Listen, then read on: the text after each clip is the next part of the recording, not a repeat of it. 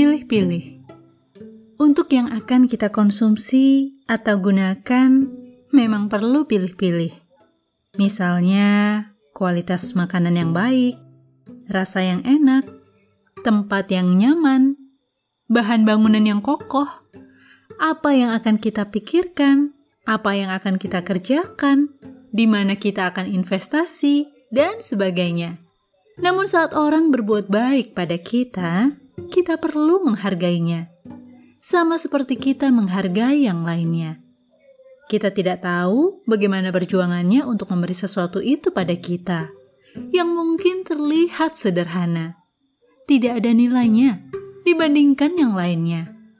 Mungkin juga bukan orang yang diperhitungkan, bukan siapa-siapa.